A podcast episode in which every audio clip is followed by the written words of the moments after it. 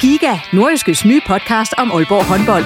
Vil du helt tæt på, hvad der sker i Danmarks største håndboldklub? Vi kommer selvfølgelig til at, til at gå all in. Så lyt til Giga, podcasten om Aalborg håndbold. Det går ondt på et hold som Aalborg, når man ikke leverer det, man gerne vil. Der sætter vi hver uge fokus på de vigtigste historier og største profiler. Dejligt at se, at han er den øh, afgørende faktor, som vi ved, han er.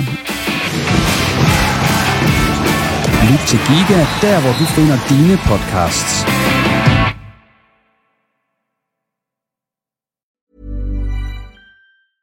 Hiring for your small business? If you're not looking for professionals on LinkedIn, you're looking in the wrong place. That's like looking for your car keys in a fish tank. LinkedIn helps you hire professionals you can't find anywhere else, even those who aren't actively searching for a new job but might be open to the perfect role. In a given month, over 70% of LinkedIn users don't even visit other leading job sites. So start looking in the right place. With LinkedIn, you can hire professionals like a professional. Post your free job on linkedin.com slash people today. When you're ready to pop the question, the last thing you want to do is second guess the ring. At Bluenile.com, you can design a one-of-a-kind ring with the ease and convenience of shopping online. Choose your diamond and setting. When you find the one, you'll get it delivered right to your door. Go to Bluenile.com and use promo code LISTEN to get $50 off your purchase of $500 or more. That's code LISTEN at Bluenile.com for $50 off your purchase. Bluenile.com code LISTEN. Du lytter til en podcast fra Nordjyske. OB's højre bak har gennem de seneste sæsoner ofte måtte lægge øre til kritik, men på det seneste der er den kritik forstummet. Og så har klubbens spanske cheftræner fejret et lille jubilæum. Det skal vi blandt andet se på denne gang i posten, hvor vi også skal rundt om Vendsyssel FF, der på mange måder har startet forfra efter de svejsiske ejere fik kolde fødder og stak af.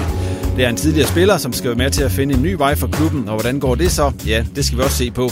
Mit navn det er Jens Otto Barsø, og vi byder også på top 3'er og tårhylere. Velkommen. Og med mig i studiet i dag, der har jeg Simon Ydelsen, der er sportsjournalist hos Nordjyske. Jeg har Søren Henriksen, der er Head of Sports Development hos Vendsyssel FF, og så Christoffer Pallesen fra OB. Og øh, velkommen til jer tre. Tak for det. Mange tak. Og øh, vi kører lige sådan en runde her, inden vi begynder at snakke om de mere seriøse emner, og øh, vi starter med dig, Simon. Du har allerede set en hel del kampe med nordjyske hold i den her sæson. Hvad for en, af, eller hvad for nogen af dem, synes du faktisk har været bedst? Oh, OB's øh, første halvleg nede i, øh, nede i Vejle var god. Og øh, jeg synes også, at øh, Vendsyssels øh, første halvleg i Esbjerg øh, var rigtig god. Øh, ja, så kom der jo torden med i vejen, og så fik de ikke lov til at, at vinde den kamp, som de ellers ville have vundet, hvis de havde spillet færdig på dagen. Så det er det, der sådan ligesom har, har hængt bedst ved. Hvad har så været værst indtil videre? Hobro. De har, de har set øh, sløj ud i, i flere kampe hvor de har haft problemer med at, med at få, få sat spillet og få scoret mål. Vi går videre til Søren Henriksen, uh, Head of Sports Development. Det, hvem kom på den titel? Det gjorde Jakob Andersen. Det gjorde Jakob, ja. ja. Hvad, hvad følger der med, sådan helt konkret? Jamen, det er altså lidt af de ting, vi har snakket om i, i forhold til, som også er blevet meldt ud med, at øh, altså, jeg er inde over sammen med Henrik i forhold til at hente spillere og i forhold til at forhandle kontrakter og sådan. Og så øh, vil vi gerne have noget ungdomsafdeling i gang. Det har, det har haltet gevaldigt de sidste mange år op i, i Jøring og i Vendsyssel, øh, så, så det skal vi have, have gang i. Og udover det, så er der også en masse i forhold til, til truppen og til spillerne øh, i hverdagen. Nogle, nogle ting, som jeg selv har, har mærket, i og med at jeg har spillet og set, som, som måske ikke har fungeret så godt. Og der, øh, og der skal jeg hjælpe til, sådan, så, så, så spillerne igen kun skal koncentrere sig om at spille fodbold, i stedet for alle de her ting udenom. Har det været travlt indtil videre? Der har været sindssygt travlt. Det hører vi mere om senere, Søren. Øh, vi skal videre til Christoffer. Alderspræsidenten ude for OB. 31 år. Og det er jo ikke engang særlig gammel at være. Men alligevel hører du for det der med, at du er den ældste ude ved, ved OB? Ja, det gør jeg. Altså, jeg bliver kaldt gamle. Øh, så, så, så det er en titel, der, der ligger til den ældste. Nu har øh, nu er der mange før mig, der har haft den. Rigsgaard og Wirtz og Patrick og sådan noget, men øh, nu, nu ligger den hos mig, men øh, jeg løber stadig fra dem i biptesten, så det går nok. Ja, og det er sådan en... Øh, det lader jo ikke til dig sådan nødvendigvis, det er en, du kan have nogle år endnu, den der gamle titel, fordi man køber ikke, det er jo ikke mange spillere, OB køber på over 30. Det vil undre mig, hvis der kom en, øh, en der var ældre end mig ind. Øh, det har du ret i. Ja. Men, øh, Men ja, jeg, jeg, mere end nogensinde, så synes jeg, man skal hæfte sig ved, at det eller bare et tal. Det gør vi så, Kristoffer. og nu går vi i gang med programmet, og som så til starter vi med OB. Og vi skal lige se tilbage på de seneste to kampe mod henholdsvis øh, Vejle, som Simon jo var meget begejstret for, så den mod Randers. Øh, Simon, jeg kan starte med at spørge, hvad var det, der lykkedes i den der første halvleg mod Vejle? Jamen, det var jo det meste. Altså i forhold til, at, at presspillet det sad i, i skabet, og man fik vundet bolden øh, højt på banen, så, så man var i stand til konstant at kunne lægge et, øh, et tryk på, på Vejleholdet. Plus at der så var rigtig god, øh, altså der var god energi de løb, der blev foretaget, og man, man fik ligesom også spredt spillet ud, sådan at, at Vejle nærmest ikke vidste, hvad der ramte dem, fordi at de blev angrebet for, for alle lederkanter. Kristoffer, har du været med til at spille sådan en halvleg med OB, som du kan huske i de år, du har været i klubben? Jeg vil faktisk tage den uh, skridt længere og sige, jeg, jeg tror faktisk ikke, jeg har været med til at spille en, en bedre halvleg i min, uh, min karriere. Uh, det siger måske noget om de hold, jeg har spillet på, men, uh, men det var rigtig, rigtig godt, og jeg tror, hvis, hvis Martin sådan skulle, skulle sende en, en video ud øh, af, hvordan han gerne vil spille, så tror jeg, han vil sende den der første halvleg for Vejle ud. Så hvis jeg var blevet inviteret i reposten efter, efter den kamp, så havde jeg været rigtig glad. Uh, nu, er jeg, nu er jeg mindre glad. Uh, selvom øh, vi, vi leverede en okay præstation på laden. Ja, netop den kamp mod Randers, øh, hvad, øh, hvad tog I med dernede fra? Fordi der er det vel, altså første halvleg var vel godkendt, og så anden halvleg, det blev lidt noget på Randers præmisser. Ja, nu synes jeg, du er sød ved, ja. hvis du godkender hele første halvleg. Øh, jeg synes, så for det første 20 minutter? Ja, lad os ja. godkende dem, ja. fordi de var, de, de var rigtig gode, ikke? Og, det, og det lignede, at vi bare, vi bare kørte videre fra, fra, det, fra det show, vi, vi havde i gang i nede i Vejle. Men, øh, men vi må også erkende, at vi spiller mod en væsentlig anden modstander, som er godt kørende. Øh, men vi havde nok håbet på mere, også fordi vi, vi spillede mod dem i, i, i det her smørhul mellem deres, deres to øh, kvalkampe mod, øh, mod Galatasaray. Så vi havde, vi havde håbet på mere, også, øh, også kvæg det, vi leverede nede i Vejle. Men øh, et point i Randers, det tror jeg, at der er mange hold, øh, der kommer til at være glade for, fordi det er et, det er et fint hold. Ja, Simon, hvad tog du med dig fra den kamp nede i Randers for OB's udkommende? Jamen altså, vi fik jo set lidt øh, to sider af mønten der, i forhold til, at, som Christoffer også ind på de første 20 minutter. Rigtig, rigtig fine takter. Og lidt en forlængelse af noget, det vi så i første halvleg nede i Vejle. Øh, og så de sidste 70 minutter, der, der kan vi godt blive enige om, at der var Randers altså bedre, fordi man, altså fordi Randers simpelthen på det tidspunkt ligner et hold, der er længere frem i den proces med at få spillet et hold sammen, og have nogle, nogle ting, man ligesom kan gribe fat i. Øh, så det betød bare, at Randers fik sat spillet øh, på en måde, så OB de aldrig rigtig kom tilbage i kampen. Kristoffer, sådan som ser på øh, pointhøsten indtil videre, hvor godt tilfreds er I med den? Der er kommet ni ind. Der er kommet ni ind, øh, og isoleret set er det okay, og jeg synes, det er, det er mere end okay, når man kigger på, hvem vi har spillet imod.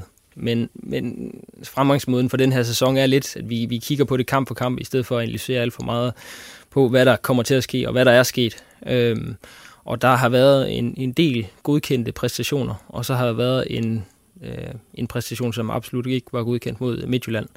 Så jeg synes, det har været en, en, en stærk start på, på mange øh, punkter, og jeg synes, at, at det tegner væsentligt anderledes, end, end det gjorde øh, sidste sæson. Jeg skal lige høre Søren dernede. Når man er i gang med at sætte hold sammen op i Vendsyssel, hvor meget følger man sig egentlig med i alt muligt andet fodbold? Jamen, der er selvfølgelig noget, der skal følges med i, også i forhold til de, de spillere, vi gerne vil have ind, og dem vi måske snakker lidt mere og prøver, og hvilke positioner vi mangler og sådan noget. Men men jeg vil sige, det er også, det er også begrænset, hvor meget sådan fodbold ud af, altså ude i Europa og sådan noget, man får set, øh, som man måske normalt gør, fordi at det er der simpelthen ikke tid til, og, og der bliver set rigtig meget klip og videoer og alt muligt, man får tilsendt, og sådan, så, så jeg får ikke set helt lige så meget fodbold, som jeg plejer. Får du set Superliga-kampene for eksempel? Ja, de fleste af dem. Og OB og så videre? Ja, jeg har set, øh, jeg så den mod Vejle, så jeg kampen, og synes også, de spillede en, en rigtig, der tænkte jeg, det, det ser sgu godt ud, det der. Øh, jeg så den ikke mod Randers, men har også godt hørt, at det ikke var helt på samme niveau. Når man så sidder I jo på jagt efter spillere, det har vi allerede fået, fået snakket om lidt. Øh, sidder man så og kigger på Superliga-spillere eller muligheder i Superliga-klubberne, eller er det, er det en hylde, man sådan tror på, man kan hente fra? Jamen, når jeg sidder og ser Superliga-kamp, så prøver jeg at kigge efter, hvem er, hvem er det, der sidder på bænken, og hvem er det, der ikke er med, og er der måske nogle af dem, som kunne være interessante for os. Altså, det er klart, dem, dem der spiller og starter ind i Superligaen, de har, de har ikke den største interesse i at komme til Vendsyssel, som det er lige nu. Hvis vi lige vender tilbage til, til jer, Christoffer, og øh, den start, I har fået. De første seks kampe i foråret, det var lige efter Marti Sifuentes, han var startet, der hentede I tre point. Nu er de sendt ni i det samme antal kampe i efteråret. Hvad, altså, hvor, hvor, er der så stor forskel på, på den måde, at komme fra land i de her to halvsæsoner? Ja, væsentligt. Altså, en ting er pointene, men hvis du kigger på den måde, vi, vi har spillet på, øh, så kan man godt se, at vi har, vi har haft Marti i, i, i et stykke tid nu. Jeg synes, mekanismerne begynder at sidde der. Jeg synes, øh, øh, strukturerne øh, i holdet er, er rigtig gode, og, og vi arbejder rigtig, rigtig meget med de positioneringer, vi skal have for at gøre hinanden gode. Øhm, og øh, det var noget væsentligt andet fodbold, vi spillede, før vi, vi fik ham. Øh, der var det presspillet, der var i højsædet. Og øh, jamen, det var jo næsten lige før groft sagt, at, at, øh, at gav vi bolden til de andre, så var vi faktisk bedre. Øh, fordi presspillet simpelthen var så godt. Øh, nu, øh, nu prøver vi at skabe kampene selv, være dominerende på bolden, øh, og ikke uden bolden. Ikke at vi ikke træner presspil, men, men vi prøver virkelig at være chanceskabende øhm, øh, med bolden. Og det synes jeg, man, man begynder at kunne se så småt. Altså det er jo klart, at, øh, at når det ikke sidder i skabet hver gang, så er vi ikke i mål endnu. Men, øh, men jeg synes, når man tager første halvleg i parken, øh, første halvleg mod Vejle, øh, så, så synes jeg, at man kan se, at når det klikker, så klikker det virkelig. Øh, og øh, nu skal vi så bare finde en eller anden måde at, at få, få en stabil stige med gode præstationer sat sammen. Ja, for Simon, det kunne godt ligne, altså det var, det var lidt noget rod, der i starten af foråret, den måde, man kom fra land på. Ja, men jeg, jeg tror også, det er et spørgsmål om, at uh, Marti, uh, Marti Cifuentes uh, selv lige skulle ind og finde, finde fodfæste, finde ud af, hvad er det her for en liga, jeg er landet i, og, og kan vi få mine idéer, mine kongstanker til at, til at lykkes. Og øh, udefra set, så virker det lidt som om, at han så gik lidt på kompromis med nogle af tingene, og var lidt mere pragmatisk i, i måden, man som, så greb resten af foråret an på. Øh, og så er han så vendt tilbage til nogle af de her øh, lidt mere øh, grundlæggende tanker om, hvordan OB skal spille, og det er jo så det, vi begynder at se udfolde sig nu. Var I også forvirret der i starten, Christoffer?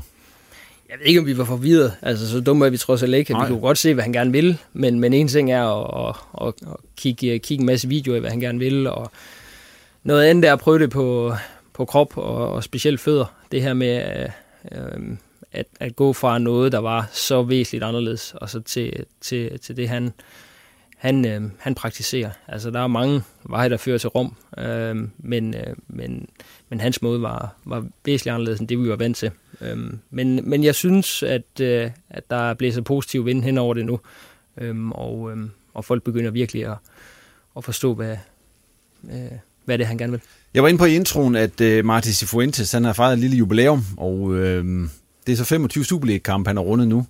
Og hvis vi lige ser på sådan nogle tal fra, det, Øh, fra, fra de 25 kampe i Superligaen, så har han et pointsnit på 1,44. Han har en rekord, der hedder 9 sejre, 9 uafgjorte og 7 nederlag. Det største nederlag, OB har fået under Martin Cifuentes, det er på 0-2. Og der er kun én kamp, hvor modstanderen har scoret tre mål, eller derover. Og det var den mod FCK, den første han havde på hjemmebane, hvor FCK vandt 3-2. Og så målscoren, den er 35-27 i de her 25 kampe. Hvad tænker I, når I hører sådan nogle øh, tal? Jeg, jeg tænker, at øh, når, når der kommer en spansk træner til byen, så tænker man, at nu skal der scores mål. Øh, og så må den hellere blive 5-4 end, øh, end, end, end 1-0. Men, øh, men altså, vi, vi, har, vi har en god defensiv base, øh, og i Danmark specielt synes jeg, at det er vigtigt at have en god struktur, fordi det er virkelig svært at score mål. Øh, så, så, så den er på plads, og øh, nu skal vi finde en måde at, at lave mange flere mål, øh, fordi ellers så, så skal vi virkelig være gode defensivt.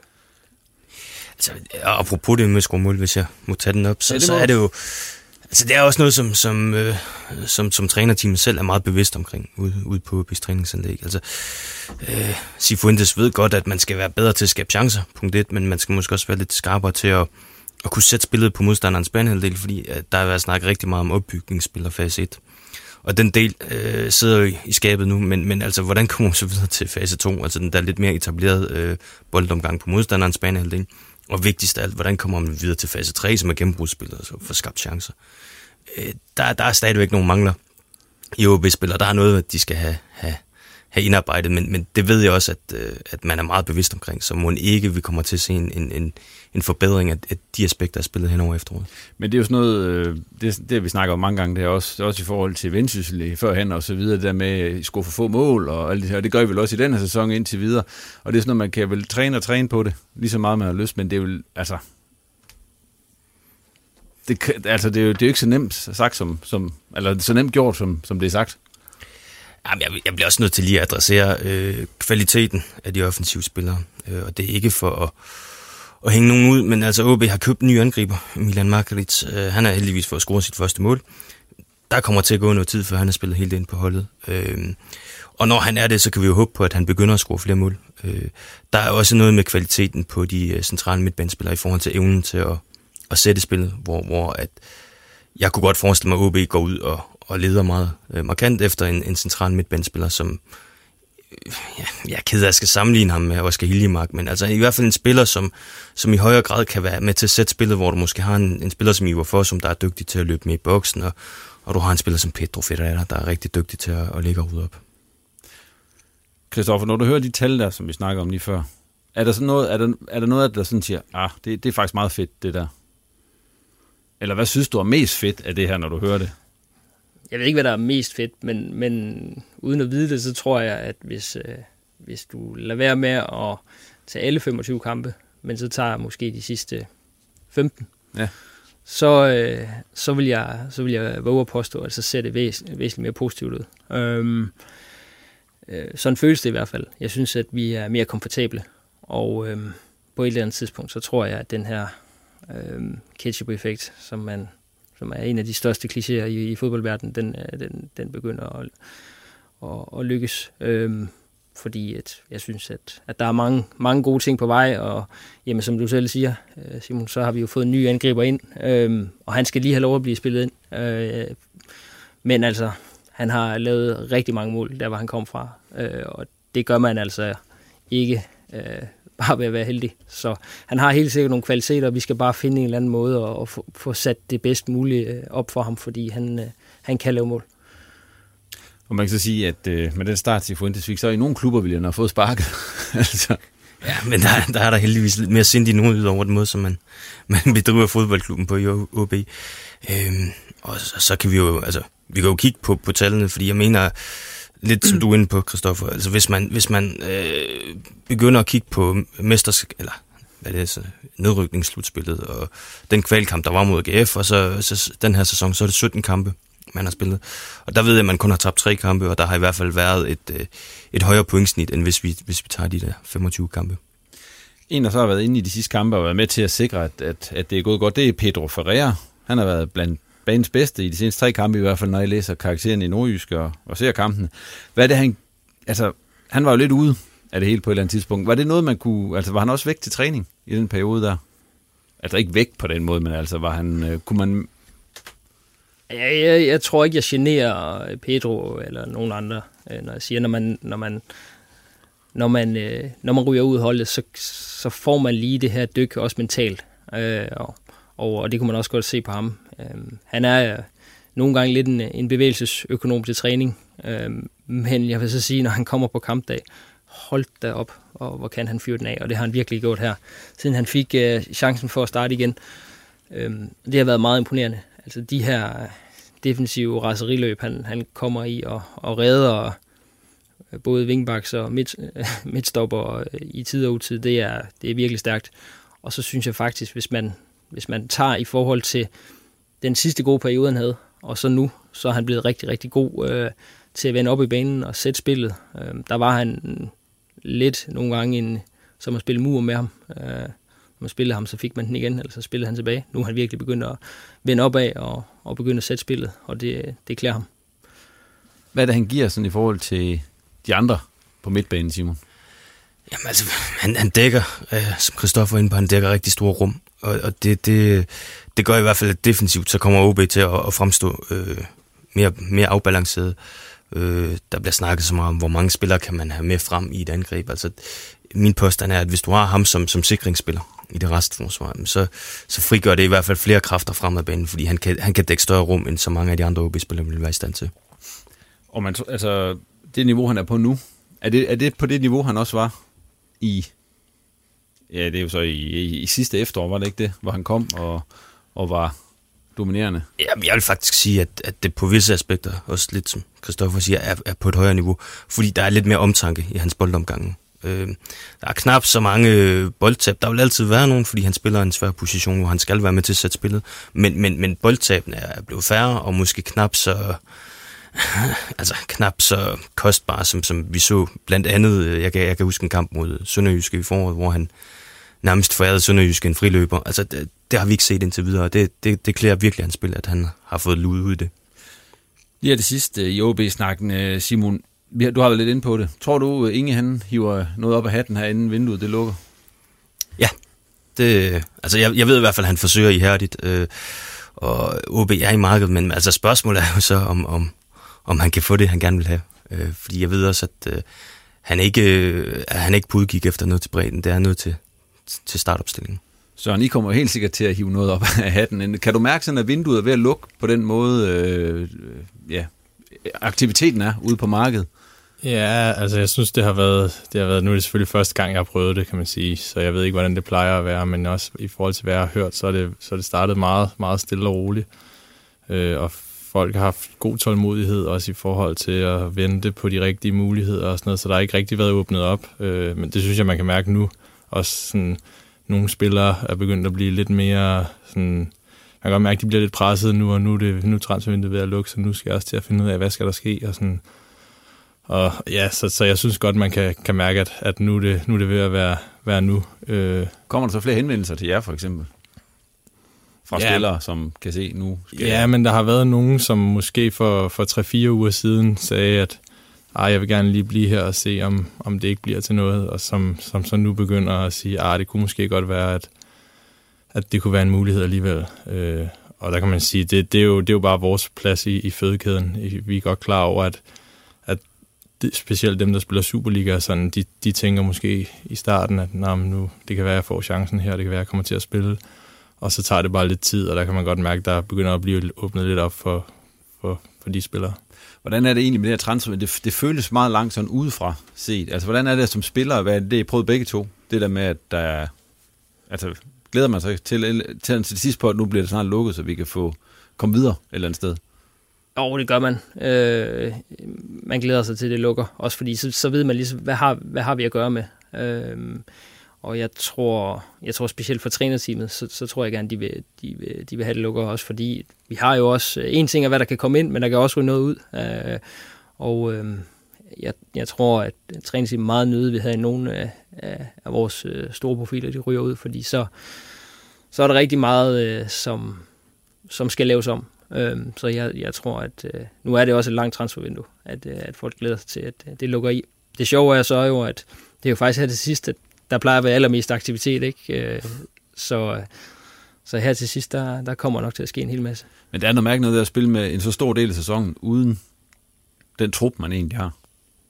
Ja, ja. ja spe, specielt, spe, specielt sommervinduet er, er, er rigtig, uh, rigtig spændende, ikke? fordi du kan nærmest nå at spille, jeg ved ikke, hvor mange kampe kan vi komme op på at have spillet? Syv, tror jeg. Eller syv, ikke? Ja. Det er jo procentvis en, en forholdsvis stor del af sæsonen, ikke? Når, man, når man tænker på, at, at folk kan nå at skifte, skifte klub øh, øh, eller efter syv kampe.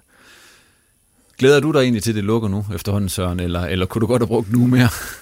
Ah, jeg vil sige, jeg vil sige både og. Altså, jeg, øh, jeg håber, vi når at komme på plads inden, og ellers er der selvfølgelig stadig muligheder for, for at hente noget efterfølgende, men, men jeg kan da godt mærke, at, at altså, tiden er gået sindssygt stærkt, synes jeg. Øh, og lige pludselig er der meget kort tid tilbage, og man er stadig ikke helt på plads, men jeg vil så også sige, på den anden side, synes jeg også, det har været mega hårdt. Så jeg har sagt til, til Jakob og Henrik, at jeg lige tager to dage, når det lukker derhjemme på sofaen. nu må vi se, om jeg får lov til det. Men altså, når man ser bort fra OB, som jo har været... Der er ikke sket det helt vildt ud, så har der også været virkelig meget at se til for jer, Simon. Med alle de her transfers, der er lavet i, i de forskellige klubber. Ja, altså både i Vendsyssel og i hvis jeg, hvis jeg bad om at liste alle spillerne, så det ville du, nærmest, det ville du ikke kunne. Uh, ej, det ville være svært. Ja. Øh, og alene det der med at skulle udtale samtlige de spillere som Vendsyssel, de, de har hentet, det, det kunne godt blive en udfordring. Ja, men Jammerbuk, det har vi slet ikke styr på. Altså, det kan jo lige så godt være det at sige, fordi at, måske har de selv, men altså det der med, at øh, hvis vi går ind på transfermarkt og kigger, som vi jo så godt kan lide, så står der lige pludselig en 3-4 spillere, som vi ikke har hørt om endnu. Når vi så spørger ind til dem, så er det fordi, at øh, arbejdstilladelser og sådan noget, det, det er gået lidt i stå.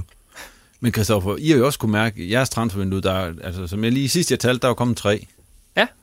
Ja. Det er jo også øh, nærmest det øh, færreste, du har oplevet, mens du har været i OB i transfervindue. Ej, det, det, ved jeg ikke, det, oh. det kan du ikke helt huske. Men det er i hvert fald ikke ret mange i forhold til, hvad I har været sådan, øh, ud for de sidste vinduer her. Nej, og det behøver ikke nødvendigvis være negativt. Det kan Og jo det- bare være et det- ud- udtryk for, at man, man er tilfreds, eller nogenlunde tilfreds med det, man har. Altså, det er altid rart at få lidt, øh, få lidt frisk øh, blod ind. Det, det, sådan, det, det ryster posen lidt og rusker op i tingene.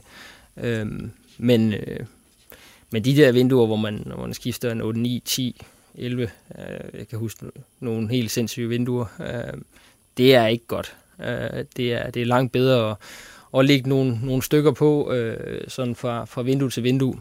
Øh, fordi øh, så, så rusker du lidt op i tingene, men du holder fast i, i den struktur, du har. Øh, så så jeg, jeg tror egentlig, det er, det er fint. Du har prøvet også de der ret aktive vinduer, som både som spiller, og nu prøver du så også som Head of Sports Development. Hvordan havde, har, har du det med de der, for det blev, det blev nærmest sådan, det var i Vendsyssel. Hver eneste vindue er I skiftet Ja. ja. 8-9 stykker. Ja, ja, jo, der er jo blevet snakket om, jeg, nu har jeg været i Vendsyssel i, i fire et halvt år som spiller i alt, og der bliver snakket om kontinuitet, og, og vi skal holde på den her trup og på, på det hele og rundt om, og, og så bliver det skiftet to gange om året alligevel, det hele. Øh, så, så, så det har jeg prøvet som spiller, og nu prøver jeg det også som i en ny rolle, øh, og, og jeg håber jo på, og det er også det, jeg har sagt, og det sagde jeg også fra starten af, da jeg ligesom sagde ja til det her, at det, det, nu, nu skal der simpelthen være noget kontinuitet. Og, og jeg ved godt, der er andre før mig, der har sagt det samme, men, øh, men jeg må så bare tro på, at, øh, at nu, er det, nu, nu skal vi ramme rigtigt. Vi lukker lige snakken om øh, transfervinduet. Her også om OB. Sådan i hvert fald på en måde, fordi vi går videre til dig, Christoffer. Vi har lidt været inde på det. En lang, eller lang solid periode som øh, fastmand. Du startede inde i 18 af de seneste 19 kampe i Superligaen. Den eneste, du så ud i, det var den, I spillede ned i Horsens den 25. april. Hvor du lige pludselig var ude og holdet ikke fik lov til at spille, og så var du med kampen efter. Altså, hvad er din egen forklaring? Ikke lige nok på det der, men på, at, at der har været så lang en god periode, faktisk også før det. Fordi sidste gang, du var herinde, jeg, Ja, det er det sådan jeg, op jeg, jeg håber da, det er, fordi jeg har, har gjort det fornuftigt. Øh, men, men jeg tror, en, en del af forklaringen er at netop ikke at betragte det som om, at man sidder solidt på en plads. Øh, øh, som, som du også øh, stak lidt til i starten, så, så har der jo været noget... Øh, øh, noget rutsjebaneagtigt min, min tid i OB, ikke? Øh, der har været nogle stabile perioder, så har der været nogle perioder, jeg har været ude, og jeg tror, at, at, at Men det er jo mest i starten. Altså, Ja. jeg synes, hvis du ser på de sidste par år, eller tre sæsoner, jeg er inde og kigge på, der er du jo faktisk næsten spillet alle kampene. har jeg det? Ja, det er ikke meget galt. I hvert fald din, din research er bedre end min, øh, åbenbart. Men, øh, men, men ja, jeg jo super glad for at spille. Øh, og, altså, men, men, men igen, altså, jeg er ikke bedre end, øh, end, end min sidste kamp. Øh, fordi hvis jeg lige pludselig begynder at betragte øh, mig som, som en solid fast mand, så, så tror jeg lige pludselig, at så, så står jeg ude og holdet igen. Så jeg tror, øh, koden er at, at ikke at betragte mig, mig selv som, som 100% fast mand, fordi, og hvis det så skulle ske, at jeg skulle komme ud og holde, så ikke gå i panik over det, for det har jeg også prøvet nogle gange, men så er jeg netop, som du selv siger, så er jeg kommet tilbage forholdsvis hurtigt altid. Øh, men jeg er super glad for, som det kører, og jeg føler mig ret, øh, ret vel tilpas i, i Martins system. Øh, jeg synes, at det, det passer mig godt med øh, at spille vingbak, øh, selvom jeg også, øh, jeg har også, jeg har spillet andre positioner øh, under ham, men øh, jeg synes, det passer mig godt, øh, og øh, nu skal jeg bare sørge for at holde fast. Ja, en af de ting, der måske kan forklare, du er sjældent skadet, Christoffer. Er der, er der, gør du noget særligt for, at det, at det ikke sker, eller er du bare heldig? Fordi man kan sige, at din kollega over på den anden side, altså Alman, han har været meget skadet for eksempel. Altså, Ej, jeg, en del af det er held. Altså, jeg, jeg tror, jeg fra, fra naturens side er født med en, med en, en fornuftig fodboldkrop, øh, der kan holde så meget. Men, øh, men det er jo ikke ens betydning med, at jeg ikke har ondt. Jeg tror bare, jeg er god til at, at finde ud af, hvornår øh, noget er ømhed, og hvornår jeg måske lige skal trække håndbremsen og så sige, nok er nok. Øhm, og så ikke lade det udvikle sig til en, til en skade. Øh, som du også var inde på, så er jeg også ved at være oppe i alderen, så jeg har også lært min, min krop ret godt at kende. men øh, jeg kan jo ikke gardere mig mod, hvis, øh, hvis der er en eller anden øh, psykopat, der kommer til landet, han kunne komme og, i, i, i knæhøjde med, med en tofods. Så, så lidt held er der i det, men der er også noget omtanke i det, helt sikkert. Hvornår har du egentlig sidst været skadet? Sådan rigtigt? Nu, nu står jeg og banker på ja, bordet, det, ikke? Fordi, gør vi alle sammen. Så. Øh, ellers så... jamen, hvornår har jeg det? Øh, jamen, jeg havde en, havde en ankelskade for lang tid siden. Øh, jeg kan faktisk ikke huske det. Øh, det. Jeg tror faktisk, det var under coronatiden, hvor jeg, hvor jeg var ude, øh, var ude lidt. Men øh, jeg er sådan ret hurtigt til at, at komme tilbage. Nu tager vi lige, så tager vi Ivar, han er heller aldrig skadet, kan du så sige. Og Ivar, han er aldrig skadet. Nej. Øh, og så banker vi lige under bordet Ja, igen. jamen, det- det er han, er, han er godt nok inde i en god periode. Nej. Ikke? Ham øh, har vi, vi nødt i, nød i undvær. Men øh, det er klart, altså i, forhold til at holde fast i, fast i min plads, så er det også øh, ret væsentligt, at, at, at jeg passer på min krop. Øh, også fordi den, den er jo ved at være oppe i alderen. Og så historisk set, så er man nok lidt mere udsat. Hvis vi lige ser på starten af sæsonen igen, øh, eller på det sidste sæson, så spil, der spillede du 32 kampe. Mm. Øh, chancer skabt, og det her det er ifølge Superliga.dk, den officielle statistik. Har du selv været og kigge på den? Nej. okay. Chancer skabt 25, åbne chancer skabt 7, Ja. og så 4 assist. Okay. Det var i øh, 32 kampe i 2021. Så i 21-22, det er så den igangværende sæson, Mm. der har du spillet 6 kampe. Chancer skabt 10, åbne chancer 4, assist 2. Er du nærmest allerede over halvvejs i det? Eller ja, over halv, ja, du er over halvvejs nærmest, i hvert fald i åbne chancer skabt og assister. Der er du så halvvejs. Ja, jeg vil den den er så- lige sige, den, den med assister, det er måske den øh, mest øh, misvisende statistik, du kan finde i fodbold. Du, Søren har også spillet noget bak. Han ved godt, at man er afhængig af, at, øh, at folk scorer, så man kan slå verdens bedste indlæg, og så, så kan der stå en Jeg eller har anden... slået øh, et rigtig godt indlæg på et tidspunkt på Aalborg Stadion, faktisk. Ja, men den gik i mål, ikke? det kan jeg godt huske. Men altså, så kan man slå verdens bedste indlæg, og så kan der stå en og sparke den øh, 10 meter over mål, ikke? Du kan Og, også sparke den ind i blinde et eller andet sted, og så er en og anden, der så rammer kan den ind i man, ryggen. så kan og man spille øh, ja, i gamle dage øh, Lukas Andersen, ikke? Og, og så kunne han drible 10 mand, og så, så fik man en assist på det. Jeg går mere op i øh, nogle af de andre der, om jeg, om jeg er chanceskabende nok, om jeg slår øh, tilstrækkeligt med indlæg. Øh, det går Martin meget op i. Øh, om, om vi vinkbak, vi, som han siger, aktiverer boksen øh, nok. Øhm, fordi det der med at, gøre sæson øh, og, øh, og personlig succes op i assister, det er lige farligt nok. Ja. Men, øh, men de andre parametre, dem, øh, dem går jeg selv øh, en del op i. Men der går det så også ret godt. Ja. Er det, for, er det, er det på grund af den måde, I spiller på? Også at den måde, du bliver rykket op der, at der så kommer mere, eller hvad er forklaringen på, at der er så markant forskel allerede i forhold til sidste sæson? Det er helt sikkert en del af forklaringen. Øh, En anden, øh, en anden forklaring er, at den måde, han, han gerne vil, vil, vil angribe og skabe chancer på, øh, det er, at han, han vil rigtig gerne have, at vi slår indlæg. Øh, under fris, uden at det skal blive for fod, fodboldteknisk. Så de her wide area indlæg, dem, dem praktiserer vi ikke ret meget.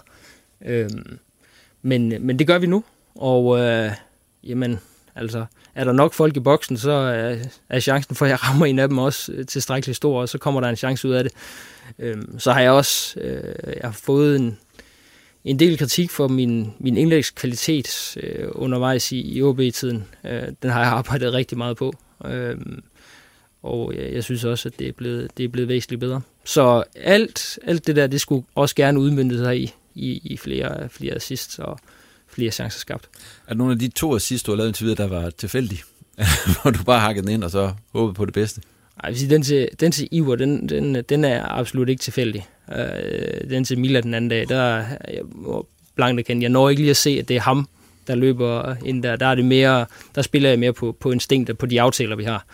Men, øh, men den anden, den, øh, den vil jeg gerne have, have lidt ros for. Og vi ser, der kommer flere så. Det er, Jeg- ved jeg- du hvad, og hvis der ikke gør, så ryger jeg sgu nok ud og holde på et eller andet Ja, det tidspunkt. tror jeg. Men altså, man kan sige, du er allerede godt på vej til at have en bedre sæson sidst. Både med, alt, både med det, du kigger på, og det, du ikke kigger på. Jeg synes, du er en dejlig interviewer. det er jeg glad for.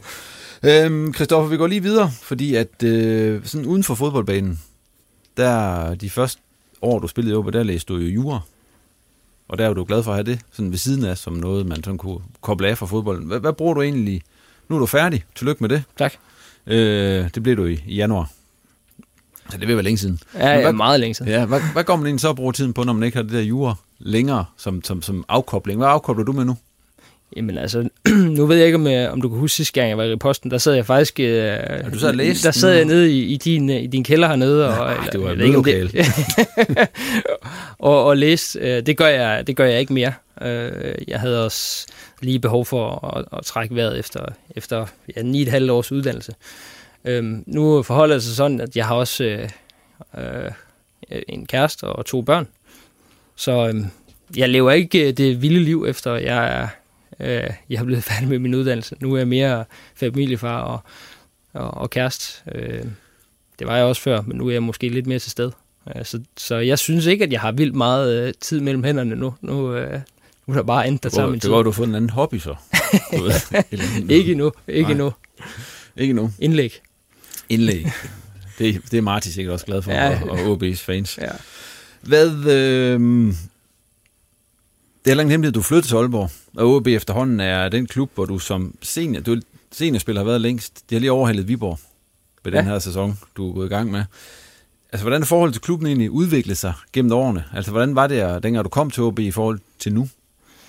Du opridser jo hele mit liv, synes jeg. Du ved øh, nærmest mere om mig, end jeg selv gør. ja, det, jeg har for god tid til research ja. gang. Kan du? øh, jamen, øh, altså, jeg var rigtig glad for at være i Viborg, øh, men, men det er klart, altså, OB og Aalborg er jo kommet ind under huden på mig på en helt anden måde, efter jeg, jeg er flyttet herop. Jeg har også fået nogle, nogle, nogle rigtig gode venner i, i truppen, øh, som jeg også har en, en formodning og en forhåbning om, jeg kommer, kommer til at have en masse at gøre med, når jeg en dag ikke spiller fodbold øh, i OB længere, eller spiller fodbold generelt. Øh, så jeg har det rigtig, rigtig godt øh, herop, øh, faldet rigtig godt til. Øh, min, min yngste søn er, er ikke født herop, men, men vi, vi boede herop, da han, da han, blev, øh, da han blev født. Øh, så, øh, begge mine børn går i institution. Altså, der er rigtig mange ting, der gør, at jeg føler mig, føler mig rigtig godt tilpas. Øh, og øh, jeg synes også, at, at det, det har i hvert fald også, øh, det har nok pyntet på mit, på mit fodboldspil. I hvert fald på mit energiniveau, at jeg ikke øh, ligger og, og kører, kører en hel masse bil, øh, som jeg gjorde, da jeg boede i Aarhus. Øh, så jeg er bare i bund og grund rigtig glad, øh, glad for at være her det har gjort lidt ondt på befordringsfradraget, men, øh, men det lever vi med. nu har du kontrakt med OB nogle år nu. Ja. Øh, hvad er egentlig, altså hvad tænker du, du skal nå i de år sådan rent sportsligt? Altså, hvad... altså jeg, jeg tror, at øh, hvis jeg kan spille øh, højre bak i OB de knap øh, tre år, jeg har Everyone knows therapy is great for solving problems, but getting therapy has its own problems too, like finding the right therapist, fitting into their schedule, and of course, the cost. Well, BetterHelp can solve those problems. It's totally online and built around your schedule. It's surprisingly affordable too. Connect with a credentialed therapist by phone, video, or online chat, all from the comfort of your home. Visit betterhelp.com to learn more and save 10% on your first month. That's BetterHelp, H E L P. har tilbage min kontrakt, så, så tror jeg, jeg vil være rigtig godt tilfreds. Og så lægge en, en hel masse mere på. At, øh, man, man siger jo gerne, at, at det at når man kommer op i alderen, så forsvinder kvaliteten lidt. Øh, jeg har det stik modsat. Jeg føler mig bedre end nogensinde. Øh, kan stadigvæk følge, føle, føle godt med de unge spillere, og løber stadigvæk fra dem i, i, i bip-test. Det, alle de der ting, det begynder at sætte en lidt, lidt nære i, det der med, at man man, øh, man bliver sat i en, i en kasse som, som gammel spiller, øh, og, og holde, holde alle de der øh, ting fra, fra døren, det, det, det sætter jeg nær i. Øh, så lige nu planlægger jeg ikke alt for langt frem, men, men prøver at holde fast i det, jeg har, og gøre det endnu bedre, fordi det, jeg synes, det er rigtig fedt, som det, som det kører lige nu. Det er lidt vildt, at den ældste spiller i OB's trup, der er ikke mange trupper, hvor den ældste er 31. Nej, det er det ikke. Men, men altså nu, det kan Søren snakke en hel masse mere om. Jeg tror, at det man rigtig gerne vil nu, det er at hente unge spillere. Jeg tror ikke, Søren han, han sætter sig ned og siger, hvad har vi af 31-årige spillere, vi kan hente? Øhm, øhm, øhm, ja, de kan jo også noget. Det kan også noget, ja. men, men det er bare ikke, det er ikke tendensen. Tendensen er, at man vil have spillere ind, som man kan udvikle på og sælge videre. Øhm, I hvert fald i, i den fødekæde, som, som OB også er i. Øh, så, så jeg tror, nu ved jeg ikke, hvor jeg ligger på listen i, i Superligaen over, over ellers præsidenter, men jeg tror ikke, jeg, jeg tror, jeg ligger forholdsvis højt op. Hvor gammel er den ældste op, jeg egentlig sådan? Jeg stod lige og tænkte over det. Jeg tror, det må jo næsten nu stoppet fri jo her den anden dag, øh, og øh, jeg tror, det må være Timi, eller Ti, Timoko Konate, som er 31 også, mener jeg. Jeg mener, han er fra april 90. Ja. Er der nogen af dem, du kigger på lige Det vi kommer tilbage til senere, men er der nogen af dem, du kigger på, der er over 30? Øh, ja, det er der faktisk. Okay. Øh, men, men, må være god. men det er også, det er også, det er jo en, det er en, det er en speciel situation for os lige nu. Altså, vi vil rigtig gerne, øh, vi vil rigtig gerne have unge spillere, og vi vil rigtig gerne have nogen, vi kan udvikle og sælge og sådan. Men vi er også et sted lige nu, hvor det handler om, at vi skal have noget kvalitet ind. Og, og vi kom lidt senere i gang, og sådan, så, så vi kan ikke være alt for kredsende i forhold til det der, altså i forhold til alder og sådan noget. Selvfølgelig er det noget, der betyder noget, hvis vi kan få en, der er 20 i stedet for en, der er 30, og de har samme kvalitet. Så, øh, så gør vi selvfølgelig det, men, men, men lige nu der handler det om, at vi skal have de bedste spillere, og dem vi synes passer bedst ind. Lars Plejdrup, han spiller stadigvæk nede i... Det gør han. Han er 40. Han er 40, ja. Jeg blev så glad, da jeg så det. bare se, Christoffer, man kan spille længe, længe, længe. Jamen, det kan man. Ja. Yes, vi lukker snakken her, Kristoffer. Tak for det. Og øh, så går vi lige videre til den der min top 3. Er I klar med den? Det er tre historier fra fodboldverdenen fra det seneste år, som har fået dig til at grine, ryste på hovedet, græde, eller på en anden måde gjort stort indtryk på dig. Og så var der lige et benspænd i den opgave, det var Christian Eriksen. Han var ikke optræde på listen, fordi det ville være for oplagt, ikke? Simon, vil du have lov til at starte? Ja, øh, jamen det kunne godt. Jeg har jo, altså jeg har jo så valgt at, at prøve at give et benspænd for mig selv, ved at sige, at, øh, at det skulle være nordiske øh, oplevelser. Og det, det indsnæver feltet lidt for mig i hvert fald. Har du grædt meget? Nej, jamen jeg vil sige, jeg har ikke grædt øh, over fodbold siden EM i 92, tror jeg. Der lavede jeg en Flemming Poulsen. Så, så, så nej, det kommer nok ikke til at ske. Men, øh, men, men jeg bliver også nødt til at sige, at øh, både det der med at grine og ryste på hovedet af dem, der, der kan jeg i hvert fald tage to eksempler fra Vendsyssel. Hvorfor kigger du på mig? Jamen, jeg, jeg er sgu ked af det, men, men altså, øhm, til, til at starte med, så, så altså, ryst på hovedet, det var i hvert fald, øhm, det var hele den her misære, der var med, i sommer, hvor vi ikke kunne få fat på, på de der værende ejere. Det var jo, altså, ja, det var hovedrystende.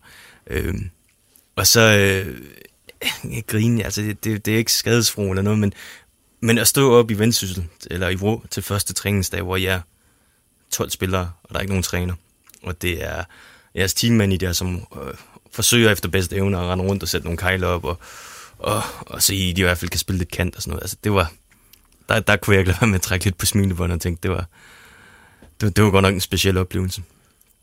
Øhm, og så, så den, den, den tredje ting, som jeg vil fremhæve, det er, det var første gang, jeg kom tilbage til Pandrup og skulle se en fodboldkamp med, med Jammerbugt. Fordi jeg, jeg, jeg skulle ikke glemt, hvor meget der blæser deroppe, og, og hvor kedeligt det er at stå på det stadion der.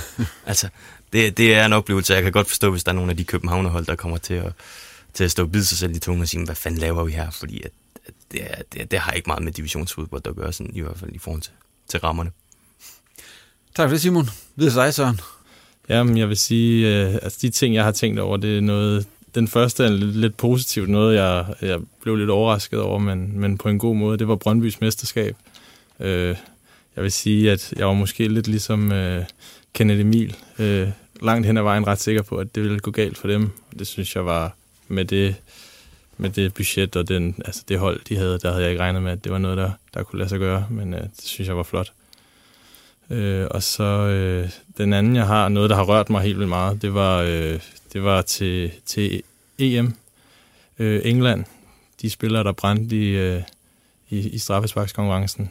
Jeg synes, den måde efterfølgende, at vi, altså i den verden, vi lever i nu, at det kan blive så, så groft og så grimt, det der, det, det synes jeg, ja, det, det er vanvittigt. Og noget, der ikke hører hjemme nogen steder. Og så den sidste, jeg har, det er også noget, der rørte mig faktisk, som jeg ikke troede ville, ville røre mig. Det var, da jeg læste, at Messi han stoppede i Barcelona. Jeg har aldrig været, øh, jeg har aldrig været Barcelona-fan eller Messi-fan, øh, men, øh, men det synes jeg sgu, det var godt nok mærkeligt, fordi det, han hører til der. Tak for dem, Søren. Christoffer, er der nogen, der har taget nogen af dine? Ja, Søren han havde den øh, med Messi der. Den, den havde jeg også øh, tænkt over. Det synes jeg var, det synes jeg var lidt trist. Øhm, men øh, så øh, har jeg tænkt over det, der er foregået nede i Esbjerg. Øh, jeg ved ikke, om man man skal græde over det, men man kan, man kan i hvert fald ryste på hovedet over det, øh, som, øh, som mine kollegaer de har været udsat for. Øhm, kender jeg ikke alle sandheder om, hvad der er foregået dernede, men jeg synes, det har været, det har været helt grotesk. Øh, og jeg har virkelig haft ondt af, af de spillere, der, øh, der har været udsat for, for lidt af hvert dernede. Så det er i hvert fald til at ryste på hovedet over. Øhm, og så har jeg en, jeg ved, jeg, jeg ved ikke, om man skal grine eller græde, men, men øh, det er, jeg har fundet ud af, at øh, min gamle holdkammerat Wissam øh, Abu Ali, han er blevet podcaster. Så et lille, et lille staltip herfra, så lige gå ind og lytte til noget af det. Der er sådan nogle... I hvert fald det vil jeg gerne have med. hvad, hvad, nu, nu, går vi, nu går vi reklame for den podcast her. Det må vi også gerne. Ja. Hvad handler det om? Vi synes, det skal opleves. Uh, så, er, er det fodbold, eller er det... Det handler om... Det, det handler om... Uh, livet? Om livet. Uh, jeg synes, uh, der, der, der er nogle anekdoter, som, som er lidt anderledes, end, end jeg husker dem i hvert fald. Så en lille, en lille anbefaling herfra. Ja, det, hvad, hvad hedder den? Så man, altså det, der ligger masser, hvis man skal kunne finde den. Så. Ind og rode ind på nettet. Okay. Jeg det tror, der er reklame for den på hans Instagram faktisk. Ja. Rimelig meget. Jamen, du kender den jo. Det kan jeg høre. Jamen, jeg har set det på, jeg har set det på hans Instagram. Jamen, det er ikke rigtigt? Hans, jo, jo, jo. Jeg har faktisk ikke selv rigtig fået lyttet til det, men øh, jeg kunne godt forestille mig, at det var interessant. Fedt. Jeps, men øh, tak alle sammen for de top 3 her. og øh, vi springer videre til dig, Søren. Og Vendsyssel FF allerførst. Øh, status efter sæsonens første seks kampe op, vi er. Det er to nederlag, altså fire uger gjort. Er det, er det godt nok, som I ser det? Sådan ud fra hele forløbet? Ja, både og. Øh, altså man kan sige, vi, vi, vi, det kommer til at lyde som en undskyldning, men vi kom jo lidt sent i gang, øh, og og synes egentlig, vi er, hvis vi kigger på spillet og, og den måde, det allerede har, har udviklet sig på, synes vi egentlig, vi er nået ret langt på kort tid. Øh, selvfølgelig, vi vil rigtig gerne have haft en sejr, og vi har været foran fem gange i, i seks kampe, øh, og ikke vundet endnu. Og det er selvfølgelig ikke godt nok, men, øh, men vi er fortrøstningsfulde, og vi synes, det ser, vi synes, det ser godt ud og, og går i den rigtige retning. Er du enig i det, Simon? Bestemt. Øh, og jeg er måske endda lidt mere positiv, fordi jeg synes virkelig, at øh, i forhold til de øh, bange anelser, man kunne have på Vendsyssels vegne ved indgang til den her sæson, så er de, øh, så er de overrasket positivt, og det er stort. Øh, og, og meget kredit til Henrik P. Øh, for hurtigt at have skabt noget klarhed i den måde, som man gør gøre tingene på.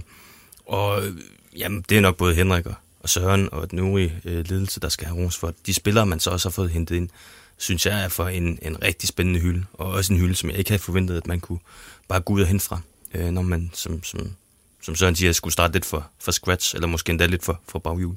Hvordan det lykkedes for at hente fra den hylde, som Simon snakker om her? Vi har, øh, vi har en træner, der, der er rigtig god til at fortælle om, om sine idéer, og fortælle om, øh, om, om sine planer med, med, med den enkelte, enkelte spiller. Og sådan, og øh, jeg tror, der er rigtig mange spillere, som, som når vi har snakket med dem først, måske har tænkt lidt, ah, vendsyssel, der er det nu også, og hvordan kommer det til at se ud, og sådan. Men efter at have snakket med Henrik, det har jeg i hvert fald oplevet, så er der rigtig mange, der er blevet overbevist om, at, øh, at det er en god idé. Og, øh, og det synes jeg også, jeg kan mærke på, på stemningen i truppen nu, og sådan at alt det, der ligesom er blevet sagt, at de, de føler også, det er de ting, der, der bliver gjort. Og der var, der var noget altså hold i, det, i de ting, han, han har sagt, og de ting, han har lovet. Sådan, og det tror jeg har betydet rigtig, mange, eller rigtig meget for, fordi det er jo også nogle spillere, som måske ikke helt lige har, de har været på en højere hylde, men måske ikke helt lige har slået igennem, eller er røget lidt ud, eller noget, som har haft brug for noget tillid, og, og for at få noget, noget selvtillid selv. Og, sådan, og, det, og det er Henrik god til, og det, det har han allerede givet dem. Der bliver sådan skudt sådan over det hele, kan man sige. Altså, der er både grækere og franskmænd og alverdens ja. ting. Altså, den der overvejelse om, hvor, hvordan man sammensætter truppen, hvad, hvad er der indgået i den? Jamen, det, altså, vi har, vi har kigget lidt på, selvfølgelig først og fremmest har vi set på, hvad er det, vi skal have for nogle positioner, og, sådan, og så har vi haft nogle forskellige muligheder, og, sådan, og, og vi har fra starten af sagt, at vi vil rigtig gerne have danskere, øh, og vi vil rigtig gerne have en dansk stamme, og alt det her, som man så tit snakker om. Men vi har simpelthen bare ikke ment, at det har altså indtil videre været, været muligt at finde nogen, vi synes, der var gode nok i forhold til det, vi ellers kunne finde. Og, øh, og, og så har vi fået lidt, øh, forskellige nationaliteter og sådan, men vi synes, det er nogle rigtig gode fyre, og omklædningsrummet, som det er lige nu, er rigtig fint, og der er rigtig god stemning og sådan. Så, så, så jeg synes egentlig ikke, det, det har været noget problem. Øh, man kan sige, for, for mig har det også mest handlet om at finde, finde de bedste spillere og, og ligesom komme med, med de muligheder, som jeg synes, der har været gode, og så, så er det jo op til trænerne at få dem til at spille sammen, øh, og det synes jeg er lykkedes godt. Når man nu henter sådan en som øh, Terence Bayer, ja. øh, en fransk bak, ja. altså hvor meget lotto er der så i det, og hvor meget er der sådan... Om, jeg er ret sikker på, at ham han bliver god. Om det, altså, det er klart, at, at han har ikke spillet vildt meget før. Øh, man har trods alt spillet nogle kampe for Troy, i den, som rykkede op i den, i den bedste franske række her sidste sæson. Og, og hvis du kan spille med for sådan et hold, så, så kan du noget. Øh, og det er klart, at så kommer han herop, og det er lige pludselig en anden liga, et andet land, en helt anden kultur, og sådan, og der kan det godt tage tid, før man falder til, og, og der kan også, altså, man kan være uheldig, at det slet ikke sker. Men, så, så selvfølgelig er det lidt en lotto men, men vi synes også, at vi har, vi har kigget det, det video, der er af ham, og vi har altså dem, som ligesom har anbefalet ham, det er nogen, Henrik har brugt før. Øh, og, og det er jo også noget af det, jeg skal, skal lære nu, det her med at finde ud af, hvem er det, jeg kan stole på i forhold til agenter og i forhold til folk, der kommer med spillere. Og sådan. Fordi det er ikke den, den klub, vi er, eller man kan sige med, med det scouting, vi har.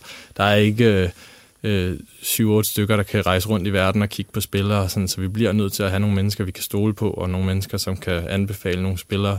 Og så... Øh, og så bliver man nødt til at stole på det en gang imellem, også ud fra det, man selv kan se på video. Nu er det meget video, som du også siger, det man, man kommer til at kigge på, altså hvad ser man? Det er selvfølgelig forskelligt fra plads til plads, men hvad ser man egentlig på på de videoer der, når du ser for eksempel ham her franskmanden der? Altså hvad, hvad er I kigget på på de videoer, man ser ham så? Jamen, det kigger vi ud efter, hvad, hvad er det for nogle ting, vi gerne vil have, en venstre bak skal kunne, og hvad er det, han kan, og, og det er klart, altså igen, vi kommer ikke til at få en øh, færdigudviklet og venstre bak, der kan det hele. Vi kigger på, okay, vi har, vi har et par færdigheder. Det her, det, det er han god til. Og så er der nogle ting, han ikke er så god til, men det er så vores job at, at få lært ham det, sådan så vi forhåbentlig en dag kan sælge ham, eller han i hvert fald kan blive en bedre spiller. Øh, og, og der har vi selvfølgelig på de på forskellige positioner nogle ting, som vi gerne vil have, og nogle ting, som vi ønsker, de skal kunne. Og så kan det også være, at vi ser en spiller og tænker, hov, han er helt vildt god til det her. Der er noget at, der er noget at udvikle på. Og så ud over det, så bruger vi jo også rigtig meget statistik, som, som, som man gør nu til dag, så du kan jo finde tal på alt. Øh, og alt, hvad han laver, alt, hvad han gør, han, hvor meget han sprinter, hvor mange taklinger han vinder, og, og sådan. Og der er selvfølgelig også noget der, hvor man sidder og sammenligner med andre på samme positioner, hvor det, vi gerne vil ramme i forhold til det. Der er jo kun øh, rådet spillere ind. Der er også rådet en ud ja. Anders Bertelsen, som, ja. som du jo også kender, Kristoffer, han er blevet solgt til, til Norge. Hvordan øh, kom det i stand? For den, den, den kom måske sådan lige ind ad bagdøren et eller andet sted, eller, eller, eller hvordan var den case for jer? Og hvorfor er det en god case? Jamen altså, vi, øh, det, det er jo en god case, fordi at vi, øh, vi, han blev hentet sidste år i OB, øh, hvor han ikke fik spilletid, og, øh, og så spillede hos os, og faktisk var skadet lidt af sidste sæson, men ellers, ellers spillede stort set fast, har spillet de, han nåede at spille de første fire kampe, tror jeg det var, i den her sæson. Øh, og så var der et tilbud på ham, som, som vi egentlig, altså vi havde egentlig ikke regnet med, at vi skulle sælge ham nu, og, øh, og havde egentlig håbet at, at, have ham et år mere, sådan, så vi kunne udvikle ham yderligere. Men, men vi fik simpelthen bare et tilbud, der, der, var, der var rigtig godt økonomisk, og samtidig så øh, ville AB rigtig gerne afsted. Øh, og, og jeg havde det sådan, at jeg sagde også til ham, at, at vi vil ikke stå i vejen for ham, hvis det er noget, han rigtig gerne vil, og samtidig, at, at de ligesom kommer med, med et tilbud, som vi synes er rimeligt. Øh, vi er også et sted, hvor vi vil gerne kunne tiltrække unge spillere, som ikke helt er lykkedes, og så vil vi gerne hjælpe dem og sende dem videre. Så nytter det ikke noget, at vi står i vejen for en. Øh, så, det, så er det ligesom også godt for os at vise, at, at, vi, øh, at vi kan sende spillere videre. Og det, øh, ja, da de ligesom tilbød det, som, som vi mente var fair, så, øh, så sagde vi også ja. Udover, udover det, så er Peter Friis også stoppet. Du nævnte det selv tidligere, altså målmand Peter ja, Friis. Ja. Og det er så på grund af en skade, han er stoppet. Altså, hvad betydning får det så? For han er jo, som du også sagde, det var jo alderspræsidenten op ved Ja, ja, jo, men der er jo røget, der er jo, der er jo rigtig mange spillere, der øh, altså, er dem, som ligesom har været øh, ledergruppen, og, og dem, der har taget ansvar. Der var han en af dem, en af de sidste tilbage, øh, øh, men, men også flere andre er røget den her sommer, og det er jo klart, at det betyder rigtig meget. Og der har vi også været nødt til at kigge på, at vi skal have nogen ind, der, der kan, kan være de her ledertyper, og nogen, der kan styre det på banen, og nogen, der kan, kan råbe lidt højt øh, og, og, og tage noget ansvar, fordi at det bliver du også nødt til at have på et hold, og det er klart med, med Fris, når han stopper, så, øh, så kommer der til at mangle noget, og, og det skal man også gerne have ind igen. Så hvis vi lige går over på dig, øh, en af dem, som, som måske kunne have været dem, der, der styrede noget ind på banen og, og råbte lidt efter de andre osv., det, det, det kunne jo være, du har jo været anfører ja. i, i Vendsyssel før, men du stoppede jo så karrieren ja. og blev så, som vi tidligere nævnt, Head of Sports Development. Altså, hvorfor stoppede du egentlig? Jamen, det gjorde du er jeg... Jo ikke, du, er, du er jo yngre end Christoffer. Ja, ja. øh, jamen, jeg havde egentlig, altså, egentlig noget, jeg har tænkt over lidt tid, det her med, om motivationen var der, og sådan, og, og hvad ville jeg, og hvad skulle der ske, hvis ikke jeg skulle spille, og sådan, og, og havde måske ikke helt øh, besluttet mig for, at jeg skulle stoppe. Det tror jeg egentlig, det, det var ikke helt planen, men, øh, men så fik jeg tilbud om det her job. Øh, Jakob han ringede til mig og spurgte, om det kunne være noget, og, og så tænkte jeg, at det måske gav meget god mening i forhold til, at, at jeg havde gået og tænkt lidt over, hvad der skulle ske efter fodbolden, og så synes jeg også bare, det var en kæmpe mulighed for mig, og en, en kæmpe tillidserklæring for Jakob og, og tilbyde mig sådan et job, og, og kunne være med til at bygge noget op. Også fordi jeg synes, jeg havde et meget godt øh, indblik i og kendskab til, hvad, hvad, hvad er det, der har manglet, og hvad er det, der skal gøres bedre. Og, sådan, og, og, og der tror jeg, jeg kan gøre en rigtig stor forskel, og derfor så synes jeg også, at det var, det var, det var en, en spændende mulighed og noget, der gav mening. Det er jo ingen hemmelighed, du rød ud i sådan lidt et stormvær der i foråret, Ej. på grund af den der Dubai-rejse sammen ja. med ja, det må man sige. Volkemut. Det må man sige. Altså, hvordan var det egentlig? Og hvad er det på det tidspunkt? det var... har, har, har det haft nogen betydning for, at du også stoppede? Ja, det har det lidt. Det har det lidt. Ikke, øh, ikke, så meget, ikke så meget på grund af det, men det er klart, at jeg blev syg øh, og, og, og fik lidt problemer med hjertet på grund af det. Og det, øh, og det har helt sikkert også været med i, i, i overvejelserne i forhold til det her, om jeg skulle fortsætte med at spille fodbold. Øh, så, så det har det. Men altså, man kan sige, det var... Jeg har sagt rigtig mange gange, at, at det, var noget, det var noget lort, og det var dumt, og, og jeg har undskyldt mange gange, og, og alt det her, og og så er der en masse mennesker, der synes, jeg er en idiot, og det er helt fair, øh, fordi det var selvfølgelig ikke så smart, men, men jeg kan heller ikke gøre så meget mere ved det nu. Sket er sket, og så, øh, og så jeg ligesom prøvet at komme videre. Nu er der så mange folk udefra, der har en mening om det, men hvordan var det at komme ind til holdkammeraterne i omklædningsrummet, efter det var sket det her, og så stå over for dem? Øh, jamen jeg, jeg vil sige, det værste i det her, det var faktisk, altså, da jeg, da jeg ligesom lå derhjemme og, og var syg, der tænkte jeg ikke så meget over, hvordan jeg selv havde det. Det var mere det der med at læse, åh, oh, nu var der lige to mere, der blev syge, åh, oh, nu var der lige med to mere. Og det der med at, skulle, at, at have været, været skyld i, at man ligesom har stoppet det hele, og, og træningen blev aflyst i et par uger, og sådan, det, det var, det var, ja, det var sgu ikke særlig sjovt. Øh, der, der, der var jeg ikke særlig stolt af mig selv. Og, og da jeg så kom tilbage, jeg kunne godt mærke, at, at det var ikke alle, der var lige tilfredse med mig, og det var i, i bund og grund også fair nok. Øh, så. Men fik I renset luften så? Jo, men altså, der var egentlig ikke, der var ikke så mange, der sagde noget, og folk var også, altså, folk glemmer jo hurtigt, når man ligesom, og jeg har altid, jeg har sgu altid, synes jeg selv, været der for dem, og, og, og hjulpet, hvis der var noget, og hvis folk er kommet til mig, så har jeg altid gjort alt for at hjælpe dem, og, og der var ikke rigtig nogen, der sagde noget til mig i forhold til, hvis de, de havde noget, så, så det var ikke noget, jeg ja, mærkede noget specielt til selv. Men så får du så tilbud af Jakob efter, hvornår beslut dig for at stoppe, før du får tilbud, eller? Nej, nej, nej, nej, slet ikke. Altså. Jeg var, jeg, jeg, jamen først snakkede vi lidt om, da han ligesom sagde, at han ville købe klubben tilbage, og spurgte, om jeg ville fortsætte med at spille, og havde egentlig sådan lidt, ah, det, det havde jeg ikke rigtigt. Jeg synes, der var sket for mange ting, og sådan, og og der, der skulle ske et eller andet nyt, øh, og gik også med den her overvejelse om, hvad, hvad skulle der ske. Øh.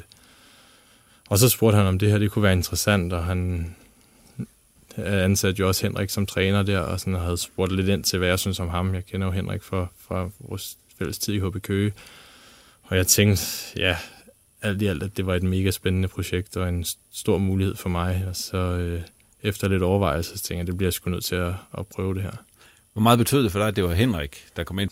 Henrik har betydet mega meget for mig. Han, han, han var træner for mig øh, på et tidspunkt i, i en, en lidt svær periode i mit liv, og, sådan, og, øh, og har været der rigtig meget for mig. Jeg har også holdt kontakten med lige siden, og jeg synes, Henrik er, er en af de dygtigste trænere, jeg nogensinde har haft. Jeg har selvfølgelig haft Kasper Julemand op i Nordsjælland, hvor jeg ikke spillet, men, men, men ham og Flemming, de var, sgu, øh, men de, var, de var dygtige. Men ud over det, så synes jeg, Henrik han var, han var virkelig, virkelig, virkelig dygtig. Og da han kom ind, så tænkte jeg også, det her, det, det kan godt blive godt. Øh, og det er spændende, og, og hvis jeg kan være med til nogle af de ting udenfor. Henrik spurgte også selv flere gange, om, om jeg ikke ville være med, fordi jeg ligesom havde et kendskab til, til tingene og sådan.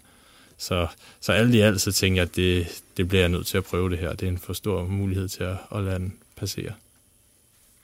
Jamen, det var egentlig bare for at understøtte det, det, det Søren siger om Henrik. Jeg har faktisk øh, haft Henrik som, som ungdomstræner, dengang jeg tog, tog springet fra, fra den lokale Aarhus Klub til, til AGF. Og det der med, at han kan være en overbevisende mand, øh, og ikke tage imod et nej, det kender jeg i hvert fald godt til, fordi hvis det ikke havde været for ham, så, så havde jeg aldrig taget, taget springet til, til storebror øh, AGF der. Øhm, en rigtig, rigtig god mand, en rigtig dygtig træner, øh, som, jeg, som jeg kun har, har rigtig godt at sige om.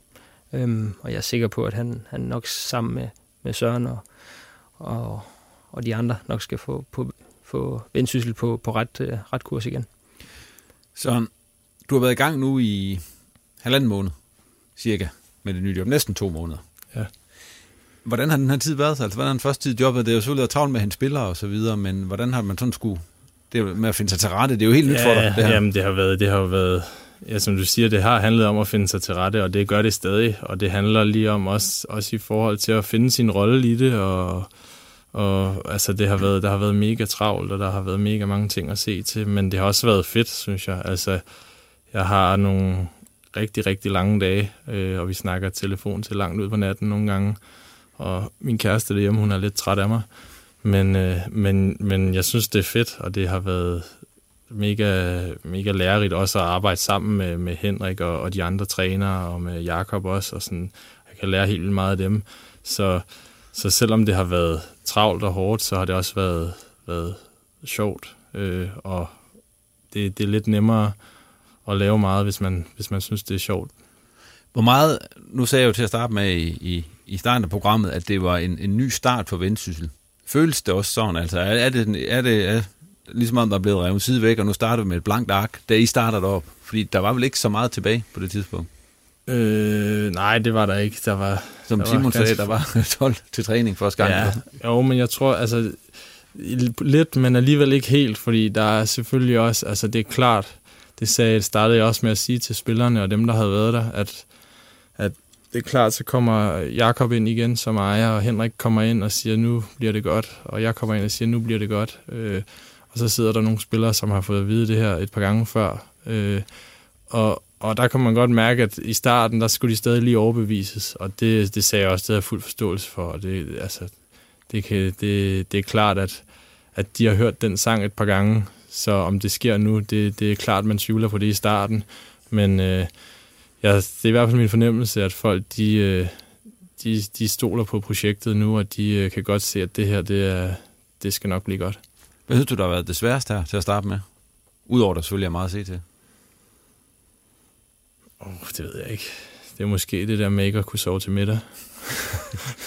Nej, jeg ved det ikke. Det, det, det, det, der er jo mange ting, altså det der med at, jeg, jeg synes, det, det, det, når jeg kommer hjem om aftenen, og jeg er, altså man er så træt i hovedet, fordi man sidder og kigger på computeren, og man sidder og snakker telefon, og den kører hele tiden, og ringer hele tiden, og hvor man er vant til, at du kommer hjem, og så er du egentlig træt i kroppen, og slet ikke have det der, med, men det er bare hovedet nu. Altså, det er en helt, helt anden måde at arbejde på, og, sådan, og det skal man lige vende sig til, og det, det tror jeg stadig ikke helt, jeg har gjort. Nu har, nu har du stået og sagt, siger du selv øh, til spilleren, det bliver godt det her, det bliver godt det her. Hvad er det for en strategi, der skal gøre, at det bliver godt den her gang i Vendsyssel? Jamen, det er, at det er, de, det er de rigtige mennesker, der er, der er ansat til at skulle gøre det nu, synes jeg. Altså, det, øh, det der med, at jeg har, har stoppet min karriere, som var en mega stor beslutning, det, øh, det havde jeg ikke gjort, hvis ikke det var fordi, at jeg tænkte, øh, at her er der virkelig noget, som, som, som altså, giver god mening, og noget, som jeg kan se mig selv i, og noget, jeg kan være en del af, og noget, der, noget, der kan blive rigtig godt. Og jeg troede, troede på det fra starten af, da Jakob spurgte mig om med, med Henrik og resten af trænerteamet og de andre mennesker omkring, at det her, nu, nu, kan, vi, nu kan vi rykke det i den rigtige retning. Øh, og, øh, og jeg sagde også til spillerne, der, altså, da jeg stod og fortalte dem de her ting om, at nu bliver det godt, så sagde jeg også, at jeg kan godt forstå, hvis folk de tvivler på det. Og, og det, det, det havde jeg måske også selv gjort, hvis det var mig, der sad der. Øh, men, men efterhånden, så, øh, så synes jeg også, at, at vi har fået vist, i hvert fald med de ting, vi har lovet, og de ting, der allerede er blevet gjort, og sådan at, at vi prøver at gøre det ordentligt nu, og vi prøver at, at rykke det i den rigtige retning, og samtidig så har de fået en træner, som, som de synes er fed at træne med, de synes, de ting, vi laver, de giver mening, og de kan se det ude på banen, at der sker noget så, øh, så går det som regel lidt nemmere. Du har selv været en del af sådan nogle forskellige typer projekter op i Vendsyssel. Så er der på et tidspunkt, hvor man skulle være sådan en udviklingskasse for nogle afrikanske spillere, der kommer op og så videre. Du, du, ja, du ved det jo selv det hele. Altså, hvad er strategien nu egentlig? Altså, hvad, hvad er det for en klub, Vendsyssel vil være fremadrettet? Jamen, vi vil jo gerne være en klub, som kan, som kan få nogle unge spillere ind, og så udvikle dem og sælge dem videre. Det ved jeg godt, der er mange, der siger, og når man kigger på de spillere, vi har hentet ind indtil videre, så ser det slet ikke sådan ud. Men vi har også bare snakket om det her med, at hvis vi gerne vil have nogle, altså nogle rigtig dygtige unge spillere, så bliver vi nødt til at have først og fremmest et godt hold og kunne skabe nogle gode resultater, fordi der er ikke nogen af, af de bedste unge spillere, som gider til en klub, der ligger og ruder rundt ned i første division, eller ned i bunden af første division, og tænker, det har, været, det har jo været et cirkus. Sådan, så vi skal ligesom have etableret os og vise, at, at vi mener det seriøst, og vi kan, vi vil lave et rigtig godt hold, og sådan som vi gør det her, der kan du udvikle dig. Og når vi så har gjort det, så kan vi begynde at, at kigge på, hvad, hvad, hvad for nogle spillere kan vi få ind, som har noget videre salgspotentiale, hvad for nogle spillere kan vi få ind, som vi kan udvikle på, sådan, så vi kan få solgt dem videre. Søren, her om er det en uges tid, så lukker transfervinduet. Hvad står så øverst på det, din uh, to-do-liste? Øh, jamen, så, så er der jo en masse andre ting, jeg skal have taget fat i. Øh, der er det, noget af det første, vi skal, det er, at vi skal i gang med at snakke lidt om det her op i, i Jøring og, og omkring ungdomsarbejdet. Og, og der er, lige nu er det lidt som om, at Vendsyssel er en klub, og øh, Jøring er en anden klub, og, og der er, har ikke rigtig noget med hinanden at gøre. Og der er en masse ting, som vi kan, vi kan gøre der, og for, for ligesom at, at, at lave et samarbejde, og for at det hænger mere sammen det hele. Øh, og så samtidig skal vi, skal vi ud og, og promovere os selv noget mere. Og, altså, det har været meget lukket og meget bare, vi tager til træning, og så tager vi hjem igen, og så tager vi til kamp, og så tager vi hjem igen. Og der er en masse ting, vi kan gøre, som i sidste ende vil kunne hjælpe klubben og gøre det større, og få flere folk på stadion, og, og forhåbentlig også nogle flere sponsorer. Sådan. I skal held lykke med i hvert fald. Der var, vi kan lige spørge Simon her til allersidst, Simon.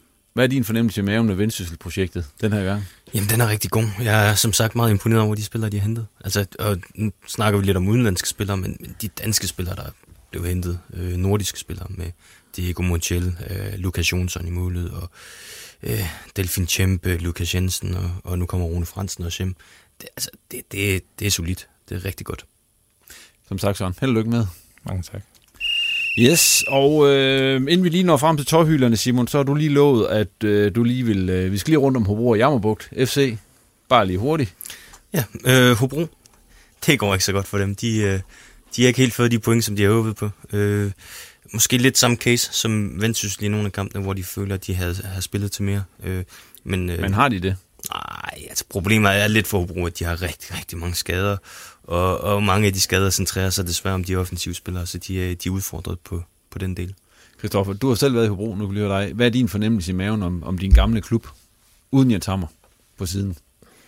Ja, men det var jo en uh, institution, uh, Jens Hammer. Uh, det var nærmest det, jeg, jeg forbandt med Hobro. Uh, og det synes jeg, der er trist, at han ikke er der længere. Jeg vil så sige, der er altså også mange andre gode mennesker tilbage i den, i den klub. Øh, Lars Justelsen har en, har en stor rolle, og jeg kender også Martin Thomsen. Øh, og jeg ved, at, at de vil det så gerne, øh, og, og det hænger dem langt ud af halsen, at det går, som det går lige nu.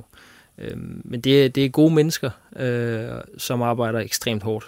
Øh, så jeg, jeg håber øh, virkelig, at, øh, at de får det øh, på ret kurs igen, øh, fordi det er en, en klub, som jeg, jeg synes hører til i, i, øh, i den bedre halvdel af, af første division i, i hvert fald, og øh, har et fint setup og et, et, et ganske fint øh, stadion. Ikke? Så jeg, jeg håber, at, øh, at, de, at de finder nogle bedre takter frem snart.